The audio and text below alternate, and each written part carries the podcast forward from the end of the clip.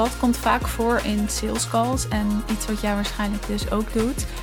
En wat moet je daarin voorkomen? Hoe zorg je eigenlijk dat je betere sales calls voert? Dat is wat ik bespreek in deze aflevering. Ik heb namelijk vanmiddag meegeluisterd met een sales call met een klant van mij. Ik luister regelmatig sales calls terug en soms luister ik mee, echt op het moment zelf. En wat ik dan doe is heel erg luisteren naar wat ze zeggen, naar hoe ze het zeggen, welke woorden en zinnen ze gebruiken. Maar natuurlijk ook is het gesprek goed opgebouwd. En vervolgens gaan we dat gesprek dan samen doorspreken. Ik typ mee als ik iets hoor of waarvan ik denk dit moet anders. En dit is echt de allerbeste manier om je sales te oefenen, omdat je op deze manier een concreet voorbeeld hebt. Je hebt net dat gesprek gevoerd en op die manier kunnen we dus echt evalueren: oké, wat moet er anders en beter? En daardoor schiet je conversie vaak omhoog. Dus ik was vanmiddag aan het meeluisteren en het was interessant. Zij voert haar gesprekken goed, hè, haar salesgesprekken gaan goed. Maar ze heeft veel gesprekken, maar de laatste tijd converteert het minder goed. En dus zei ik, laat me meeluisteren, want dat moet aan je salesgesprek liggen, want aan de voorkant is alles goed. En dan luister ik dus mee, zodat we de vinger erop kunnen leggen. En jij kan mij precies vertellen hoe jij een salesgesprek voert. Maar als je hem daadwerkelijk voert, is het soms anders dan hoe jij het mij vertelt. Dus daarom dat ik ook echt wil luisteren en wil horen. En ik er niet zoveel aan heb als je het me alleen uitlegt. Maar goed, in dit geval luisterde ik dus mee. En ik heb een aantal dingen opgeschreven en ik dacht, dit is interessant, want ik weet zeker dat dit bij meer mensen gebeurt. En het zijn een paar simpele punten, een paar voor de hand liggende punten, maar je mag je hier wel bewuster van worden. Om te beginnen is het natuurlijk zo dat een salesgesprek altijd uit fases bestaat. Het is een proces waarin iemand een besluit neemt. Dus besluitvorming vindt plaats in een salesproces. Ook al voordat die call is en ook na de call. Wat dus als eerst belangrijk is, is dat je je bewust bent van hoe wij keuzes maken. En hoe werkt besluitvorming eigenlijk? Dit is iets wat ik op het event 13 april ook heb uitgelegd en helemaal heb uitgetekend. Maar je hebt snelle beslissers, je hebt langzame beslissers. En daarin heb je dan ook nog weer ratio en emotie. En daarin zijn allemaal verschillende hoeken waarin je andere dingen moet aankaarten en moet benoemen. Dat is iets te ingewikkeld om dat in een audio uit te leggen. Dus wie weet maak ik daar nog een keer een masterclass van. Maar goed, het is interessant om je eens te verdiepen in besluitvorming. Hoe werkt dat? Hoe kiezen wij? Dat is ook een format voor hoe je salesgesprekken voert. En dat is dus ook hoe ik het mijn klanten leer. Zij krijgen van mij een salesscript. En vervolgens gaan we dat salesscript personaliseren naar wat werkt voor jou. Want ja, iedereen is anders, iedereen werkt anders. Dus ik ga je niet op een presenteerblaadje geven, zo moet je sales doen. Dat doe ik dus wel door dat script. Maar vervolgens gaan we hem echt personaliseren. Ja, zodat hij gewoon gaat werken. Goed, deze klant opende haar call. Dus met haar potentiële klant. En ja, de opening is altijd rustig, fijn. Even landen in het gesprek. Dat weet je waarschijnlijk wel. Wat mijn klant heel goed deed, is dat ze even terugkoppelde naar de DM. En dat is een hele sterke. Want dan gaat je potentiële klant hè, aan de andere kant ook weer even nadenken: oh ja, wat hebben we in een DM besproken? En waarom heb ik dus een call ingepland? Dus dan laat je iemand alweer even nadenken over: oh ja, wat is er eigenlijk aan de hand? In plaats van dat iemand er blanco ingaat. Dus mijn klant refereerde even naar de DM. En we hebben dit en dit besproken. En je gaf dit en dit aan. En dat is dus een hele sterke opening en iets wat jij misschien ook kan toepassen. Refereer eventjes naar een gesprek, naar een vragenlijst en maar net via waar een klant komt. Zodat iemand zelf weer even teruggaat naar waarom heb ik dit ingepland. Zonder dat je dat letterlijk hoeft te vragen.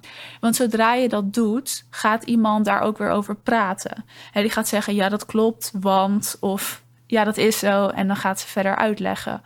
Dus het is een hele fijne manier om niet te vragen waarom heb je een call ingepland. Want het kan een confronterende, harde vraag zijn waar iemand niet altijd een antwoord op heeft. Maar iemand gaat hierdoor dus nadenken en meteen erover nadenken. En dan heeft iemand wel een antwoord, omdat iemand automatisch doorpraat op wat jij zegt. Nou, dat gesprek ging verder en hè, ze voerden het gesprek, ze maakte kennis, verdiepte zich even in het bedrijf van de ander, zodat je gewoon even kan landen en informatie wint. In het begin is jouw enige taak informatie inwinnen, weten Waar staat iemand? Als je met ondernemers werkt, hoe ziet iemands bedrijf eruit? Hoe is die reis gegaan? Je wil zoveel mogelijk informatie naar boven halen. En hoe meer de ander hier praat, hoe beter. Want jouw enige taak is luisteren. Je mag luisteren, je mag een aantekening maken, maar laat de ander maar praten. Wat er dan gebeurt is dat de ander veel meer op de gemak wordt, waardoor iemand ook later in dat salesgesprek veel makkelijker over kan gaan naar jouw aanbod, veel makkelijker met je mee kan bewegen.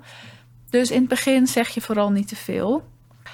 Op een gegeven moment kwam er een punt dat de potentiële klant van mijn klant heel veel over verlangen praten. En mijn klant had dat wel door, maar speelde daar niet genoeg op in. Wat het is, is dat heel veel mensen die een salesgesprek voeren, dus die van jou iets willen kopen, of die er dus zijn om kennis te maken, dus jouw potentiële klant, die gaan praten over verlangen zonder dat je dat doorhebt en ook zonder dat zij dat doorhebben. Dus deze klant gaf aan ik zie bij anderen dat het zo goed gaat of dat het er zo netjes uitziet, zonder even inhoudelijk uh, in te gaan op waar het gesprek over ging. Maar haar potentiële klant kaartte heel veel verlangens aan op een rijtje aan één stuk door. En wat mijn klant hierin deed, is dat ze ze benoemde, maar vervolgens niet verder vroeg. je mag best vragen als iemand een verlangen aankaart waarom vind je dat belangrijk? Of wat maakt dat je dat belangrijk vindt? En wat maakt dat je dat bij een ander ziet en daarop let? Hoe voel je je daarbij dan als je ziet dat een ander dat wel zo voor elkaar heeft en jij niet? Op die manier ga je dieper in op verlangens. En dit is iets wat we heel vaak vergeten in salesgesprekken. we hebben het over pijn en die kaarten we aan. We gaan kijken waar we iemand bij kunnen helpen. We kaarten ook altijd verlangen aan, want iedereen weet dat dat moet in een salesgesprek. Maar vervolgens vragen we niet genoeg door. Dus ik had het hier ook met mijn klant over na dat gesprek. En we zeiden ook: je mag dus dieper doorvragen, eigenlijk in alles. Eigenlijk mag je ervan uitgaan dat wanneer jij het gevoel hebt, oei, ik vraag iets te veel door, dat je dan nog één vraag mag stellen en dat je dan mag overschakelen naar een ander thema of onderwerp. Want voor jou voelt het soms alsof je te veel vraagt, omdat jij je bewust bent van de opbouw en van de vragen die je stelt. Maar de ander die praat en die deelt. En die ziet het vaak juist en die ervaart het vaak juist ook als oprechte interesse, als dat je iemand echt wil leren kennen als verdieping. En als jij dus wel die diepere vragen kan stellen en jouw concurrent doet dat niet, dan heeft die potentiële klant vaak een fijner gevoel bij jou. Omdat jij meer interesse toont, omdat je de ander meer laat praten. En want hoe meer vragen jij stelt, hoe meer jouw potentiële klant aan het woord is. En dat is er nodig. Iemand moet zich gehoord en gezien voelen. Dus een goede tip hierin is: zodra jij denkt, oei, ik vraag iets te ver door, stel nog één vraag en ga dan door naar een ander thema. Op die manier vraag je altijd iets verder dan je normaal gesproken zou doen. Je klant merkt dat echt niet, geloof me, omdat die niet weet wat voor vragen jij wil gaan stellen, omdat die geen idee heeft van de opbouw van jouw gesprekken. En je hebt een streepje voor op je concurrenten. Dus dat is echt een hele goede om, uh, om in je achterhoofd te houden. Maar dat ging dus over die verlangens. Vervolgens zei haar potentiële klant ook iets over geen tijd hebben en het niet leuk vinden. En dat ze ook al vol zat. Dat is een goede om te noemen. Ze zat al helemaal vol qua klanten. Wat mijn klant vervolgens deed, is dat ze deze drie eigenlijk bezwaren ging herhalen. Wat je bij bezwaren wil doen, is dat je ze niet wil herhalen. Je wil ze aanhoren, je wilt erkennen, je wil het erover hebben als dat nodig is. Maar dat is niet altijd nodig. In dit geval was het niet nodig. Deze potentiële klant van mijn klant, die zei dus: Ja, ik zit eigenlijk al vol in klanten. Ik heb weinig tijd om content te maken. En ja, ik vind het gewoon niet leuk. Als ik dan zou herhalen, oh ja, oh ja, maar je zit al vol, dus dan gaan we het maar zo doen. Oh, maar je hebt weinig tijd, dus misschien moeten we het zo doen. Dan herhaal ik continu de bezwaren en dan plant ik het letterlijk in haar hoofd. En dan plant je het in het hoofd van je potentiële klant, terwijl je een bezwaar juist wil wegnemen. Dus als er bezwaren zijn waar je eigenlijk vrij weinig mee kan, maar waarbij je weet, dit heeft ook helemaal geen invloed op een samenwerking, dan wil je het er gewoon zo min mogelijk over hebben. En dat is niet ontwijken. Want als het een bezwaar is, wat ook echt daadwerkelijk een bezwaar is en waarvan je denkt: oh ja, dit kan een reden zijn waarom iemand niet koopt, dan heb je het erover. Maar soms is de beste keuze bij een bezwaar het aanhoren, het kunnen erkennen, er iets over zeggen en het dan loslaten. Want hoe meer jij eraan trekt, hoe meer de ander eraan gaat trekken en hoe zwaarder het wordt. En het grappige is ook inderdaad dat haar potentiële klant dus aan het eind zei: Ja, ik weet het niet, want ik zit al vol en ik heb weinig tijd. Dus mijn klant heeft dat terug in haar hoofd geplant door er te vaak opnieuw over te beginnen. En dat is precies wat er vervolgens wordt herhaald bij een bezwaar. En dat is wat er gebeurt. Dus hou in je achterhoofd. In sommige bezwaren mag je je verdiepen, mag je het over hebben. Maar je voelt ook echt wel aan, en dat is natuurlijk ook een skill die je jezelf kan aanleren hè, zodra je met sales aan de slag gaat.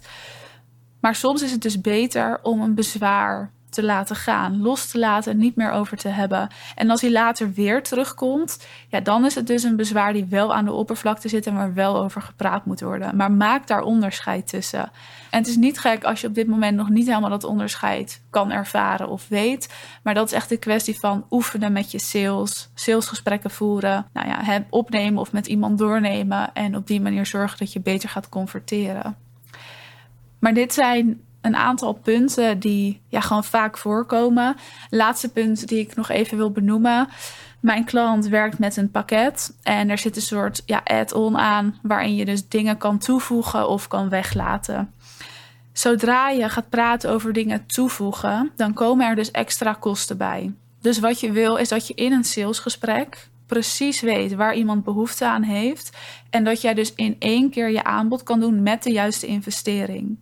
En dat jij eigenlijk kiest voor de klant, want het is jouw expertise en iemand komt bij jou om ja, gebruik te maken van je expertise, om jouw mening te horen. Dus je mag een aanbod doen waarvan jij denkt: dit is passend.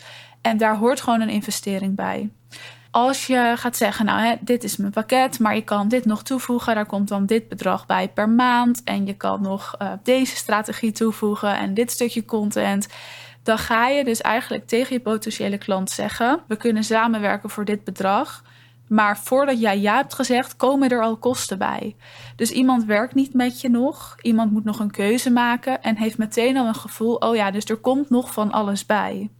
Als we eerst een goedkoop bedrag horen en dan een duurder bedrag, want we gaan natuurlijk in ons eigen hoofd doorrekenen, dan gaan we het dus niet doen. Dus zorg dat je je ook echt als expert opstelt en dat jij het aanbod durft te doen. Dit is eigenlijk iets, hè, jezelf als expert durven opstellen in een salesgesprek, wat overal weer invloed op heeft. Dus jezelf als expert opstellen en je expertise durven te tonen, heeft ook te maken met de punten die ik hiervoor noemde. Mijn klant die zei ook, ja, het voelt dan alsof ik te veel laat zien wat ik weet. En straks denkt iemand, nou, uh, ze denkt wel dat ze heel veel weet. Of denkt iemand dat ik mezelf beter vind.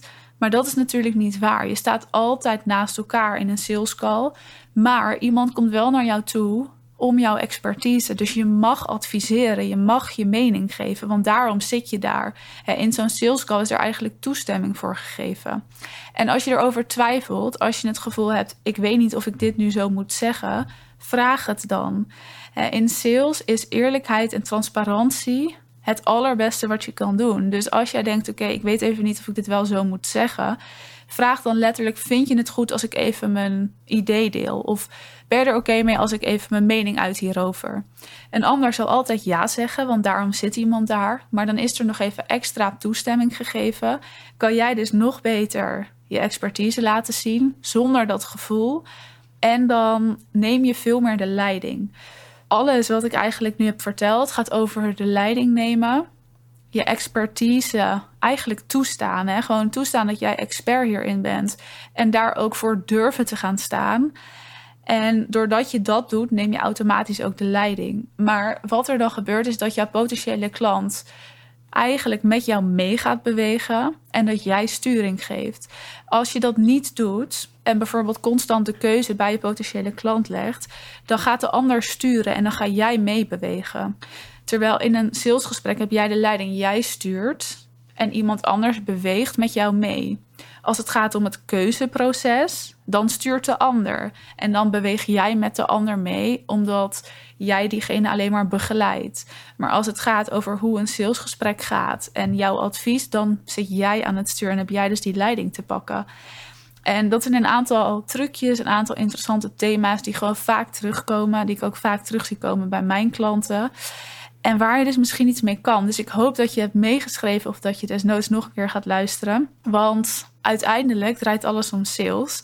Ik heb het wel vaker gezegd. Maar kijk, je kan heel veel strategieën opzetten. Maar alles eindigt met een sales call. En daar wordt dus een definitieve keuze gemaakt. Dus als jouw sales skills in orde zijn en als je daarmee aan de slag bent en je strategie staat natuurlijk zodat al die leads warm worden en bij je aankloppen, dan converteer je omdat je goed bent in sales. En sales is een skill, dus je kan dat aanleren, wat heel fijn is. Je hoeft het nu ook helemaal niet leuk te vinden om er goed in te worden. Maar je kan het wel leuk gaan vinden. Hè? Het is echt iets wat je gewoon moet oefenen, waar je je eigen weg in mag vinden.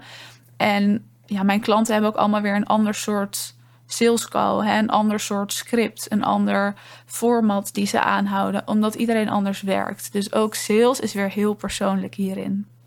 Goed, ik hoop dat je hier wat aan hebt gehad, dat je hebt meegeschreven en anders nog even terug gaat luisteren.